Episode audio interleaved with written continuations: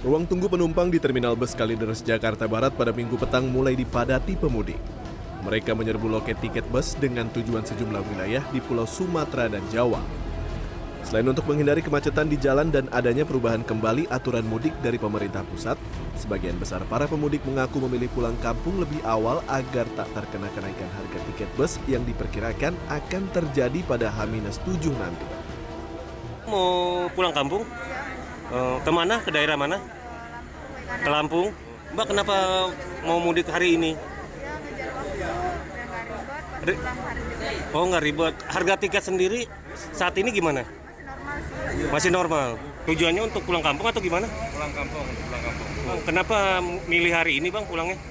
untuk menghindari macet mas ya untuk menghindari kenaikan tiket juga mas lebih terjangkaukan mas yang harganya gitu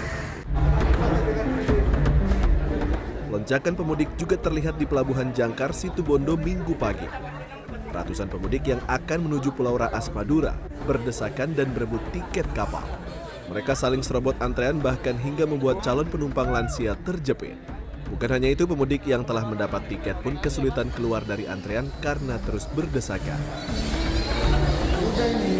Hmm, tapi ternyata padat. Ah, Susah nggak untuk mendapatkan tiket? susah banget pak, Sempat susah. berdesakan juga. Ah, ah. Apalagi bulan Ramadan kayak gini, Hmm, memilih pulang lebih awal ini kenapa? ya?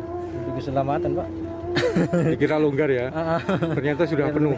Ternyata sama aja.